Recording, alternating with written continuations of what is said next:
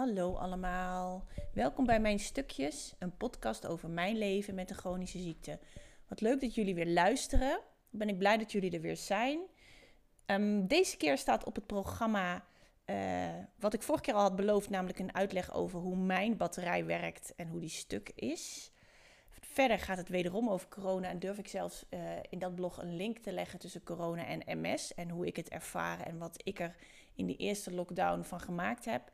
En het fenomeen zenuwpijn komt aan de orde. Nou, ik weet niet of velen van jullie dat herkennen, maar dat is wel echt een gruwelijk gevoel. Dus uh, luister lekker verder en uh, hoor wat ik te vertellen had 2,5 jaar geleden.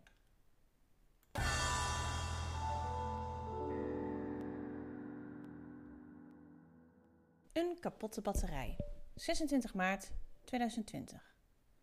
Vorige keer heb ik het gehad over die alles overheersende en aanwezige vermoeidheid. Maar hoe zit dit nou? Waarom helpt slapen vaak niet? Ik vergelijk mijn energieniveau altijd met een kapotte oplaadbare batterij. Zo eentje die we allemaal wel kennen, die al te vaak opnieuw is opgeladen.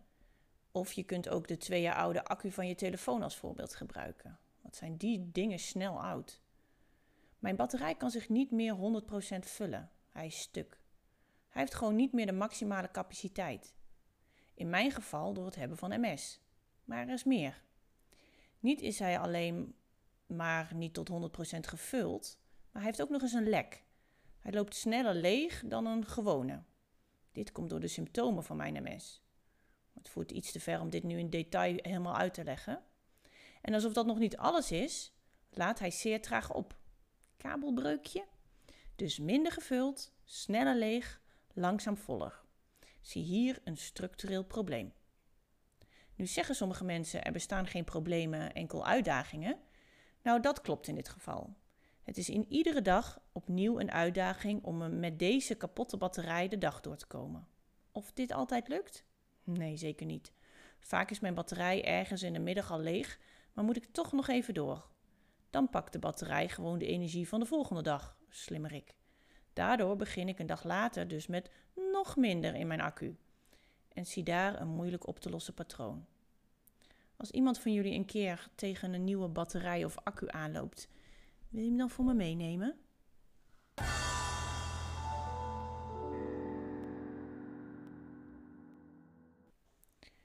Corona deel 4, 29 maart 2020. Ik merk dat veel mensen gefrustreerd zijn over de situatie waarin we ons nu bevinden en zich extreem veel zorgen maken en zelfs angstig zijn. Begrijpelijk, want het is ook zorgelijk. We bevinden ons in een bizarre situatie waarvan niemand weet waar het naartoe gaat. Tegelijkertijd is de situatie zoals hij is. We kunnen er niets aan veranderen. Zorgen maken, zorgen maken helpt niet. Sterker nog, stress vermindert je weerstand. Het enige wat we kunnen doen is ons erbij neerleggen, er het beste van maken en ons goed houden aan de regels. En ja, dat is makkelijker gezegd dan gedaan. Ik zie hierin een grote overlap met een ziekte als MS. Ook hierbij weet ik niet wat me te wachten staat. En ja, dat is eng. Maar iedere dag in angst leven, dat helpt me niet. Het enige wat ik kan doen is me aan de regels houden. Voldoende rust nemen, gezond leven, therapie volgen, medicijnen gebruiken etc. En de rest is onvoorspelbaar. Mensen vinden me vaak positief en actief. Mijn standaardreactie: dat ben ik omdat het alternatief me niet aanstaat. Het alternatief is namelijk op de bank gaan zitten en mezelf zielig vinden. Op de bank zitten en wachten op wat komen gaat. Zo wil ik niet leven. Dat past niet bij mij. Ik wil er wat van maken, ook als dat anders is dan waar ik vroeger van droomde. Ik wil met de mogelijkheden die ik heb het maximale uit het leven halen. Zo is het voor mij nu met corona ook. Ja, het is vreselijk. En ja, veel mensen gaan ziek worden. En ja, misschien ga ik wel dierbaren verliezen. Maar moet ik dan nu al in een hoekje kruipen en me zorgen maken? Ik denk dat ik dat pas ga doen als ze daadwerkelijk in het ziekenhuis komen te liggen. Want wie weet krijgen ze wel een milde vorm. Of ze krijgen het helemaal niet. Zonder van mijn energie die ik er dan al aan verspeeld heb. Ik geniet van de tijd die ik nu met mijn gezin kan doorbrengen. Dit heb ik het laatste half jaar door mijn slechte gezondheid amper kunnen doen. Ik geniet van de mooie initiatieven die her en der in het land ontstaan. Ik geniet ervan om te zien hoe mensen elkaar weer vinden in deze ellende. Op gepaste afstand, uiteraard. Ik geniet van de positieve effecten die deze situatie op de natuur heeft. Ik merk dat ik minder moeite heb met de opgelegde restricties dan sommige mensen om me heen. Velen voelen zich beperkt in hun doen en laten. Ik ervaar dat niet zo en heb erover nagedacht hoe dat kan. Ik denk dat dit komt omdat ik altijd al beperkt ben in mijn doen en laten door mijn eigen lichaam. Ik kan vaak al niet doen wat ik zou willen doen. Wellicht dat het daardoor voor mij nu makkelijker is dan voor anderen. Ik weet dat het makkelijk praten is en natuurlijk zijn er ook momenten waarop ik me zorgen maak, met name over de effecten op lange termijn. Maar ook nu wil ik uit het leven halen wat erin zit. Ik heb me neergelegd bij de situatie en maak er, samen met mijn gezin, het beste van. De mensen die ziek zijn wens ik ongelooflijk veel beterschap en de dierbaren van deze mensen wens ik veel sterkte. Het is niet makkelijk.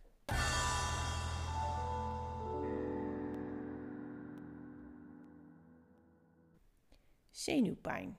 30 maart 2020. Heb je wel eens kiespijn gehad? Van die heftige, vlammende pijn waar geen pijnstiller tegen opgewassen is? Ik wel. Maar niet alleen in mijn kies, maar vooral in mijn benen. Deze pijn is jaren geleden begonnen. Tijdens een terugval, een sjoep voor het eerst. Ik wist niet wat me overkwam. Het was een pijn waar niets tegen leek te helpen. Houding veranderen, bewegen, niet bewegen, masseren, niets deed iets. Gelukkig was het na een prednisonkuur wel snel weer beter. Echter komt het sinds die tijd in meer of mindere mate af en toe terug. In de loop der jaren heb ik verschillende triggers kunnen ontdekken. Zo komt de zenuwpijn altijd als ik koorts heb. Best handig, zo'n thermometer. Verder werd ik er voorheen mee wakker als ik de voorgaande nacht een paar keer had moeten opstaan voor mijn zoontje. Hoeft nu gelukkig niet meer. En als ik erg moe of overbelast ben, wil het ook nog wel eens de kop opsteken. Als laatste is het pijn elders in mijn benen die de zenuwpijn doet opkomen. Als ik bijvoorbeeld een sere enkel heb of spierpijn, gaan de zenuwen ook aan de gang. Maar 9 van de 10 keer is het er ineens, zonder reden. Of in ieder geval niet een reden die bij mij bekend is. Het kan ook ineens weer weg zijn. Soms is het er een half uur, soms uren en soms dagen. Geen pijl op te trekken. Gelukkig heb ik een paar dingen gevonden die soms helpen. Zo heb ik inmiddels een TENS, een apparaatje dat stroom stuurt naar elektroden die op mijn rug en benen geplakt zitten. De stroom dempt als het ware de impulsen die mijn zenuwen, volledig onnodig, doorgeven aan mijn benen. De pijn gaat dus niet weg, maar wordt als het ware overstemd. Tenminste, zo ervaar ik dat. En een soort pijn met pijn bestrijden dus. Klinkt tegenstrijdig met het feit dat pijn het ook weer veroorzaakt, maar dit is kortdurend. Ik denk dat dat het verschil is. Dat geldt ook voor de andere methode die nog wel eens werkt. Het rekken van de betreffende zenuwbanen en dan zo hard mogelijk. Auw. Helaas kan ik dit niet zelf. Mijn fysio moet mijn been zo'n beetje gestrekt in mijn, nek, in mijn nek leggen. Ik overdrijf nu, maar hoe verder hoe beter. Dit helpt vaak tijdelijk, maar het is altijd een opluchting als het is gedaan. Pijn is fijn, is dan even een goed mantra. Waar die zenuwpijn vandaan komt, geen idee. En volgens mij weten de neurologen en de wetenschap het ook niet. Verkeerde zenuwoverdracht is de conclusie? Nou, lekker dan. Het is niet eens functioneel. Meestal heeft pijn namelijk een functie, namelijk het waarschuwen dat er iets mis of kapot is. In dit geval gaat die vliegen niet op. Lastig. Er is één ding dat tot nu toe altijd nog gebeurt. En dat is dat het uiteindelijk weer wegging. Dat noem ik een groot voordeel. Want wat is dit een vervelende pijn?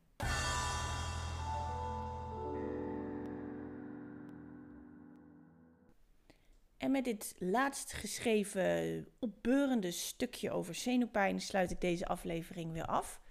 Heel erg opbeurend is het natuurlijk uh, niet, maar ik denk voor veel mensen met MS wel herkenbaar.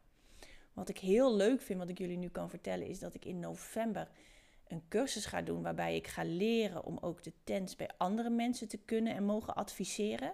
Dus dan kan ik echt goed gericht aangeven van waar moet je de elektroden plakken en welk programma moet je gebruiken. En daar kijk ik ongelooflijk naar uit, want ik hoop echt dat het uh, veel andere mensen ook kan helpen om hun pijn te dempen of te overstemmen. Dus daar heb ik ongelooflijk veel zin in, maar dat gaat pas in november gebeuren. Goed, dankjewel weer voor het luisteren en ik hoop dat jullie ook de volgende aflevering weer met me meeluisteren. Dankjewel.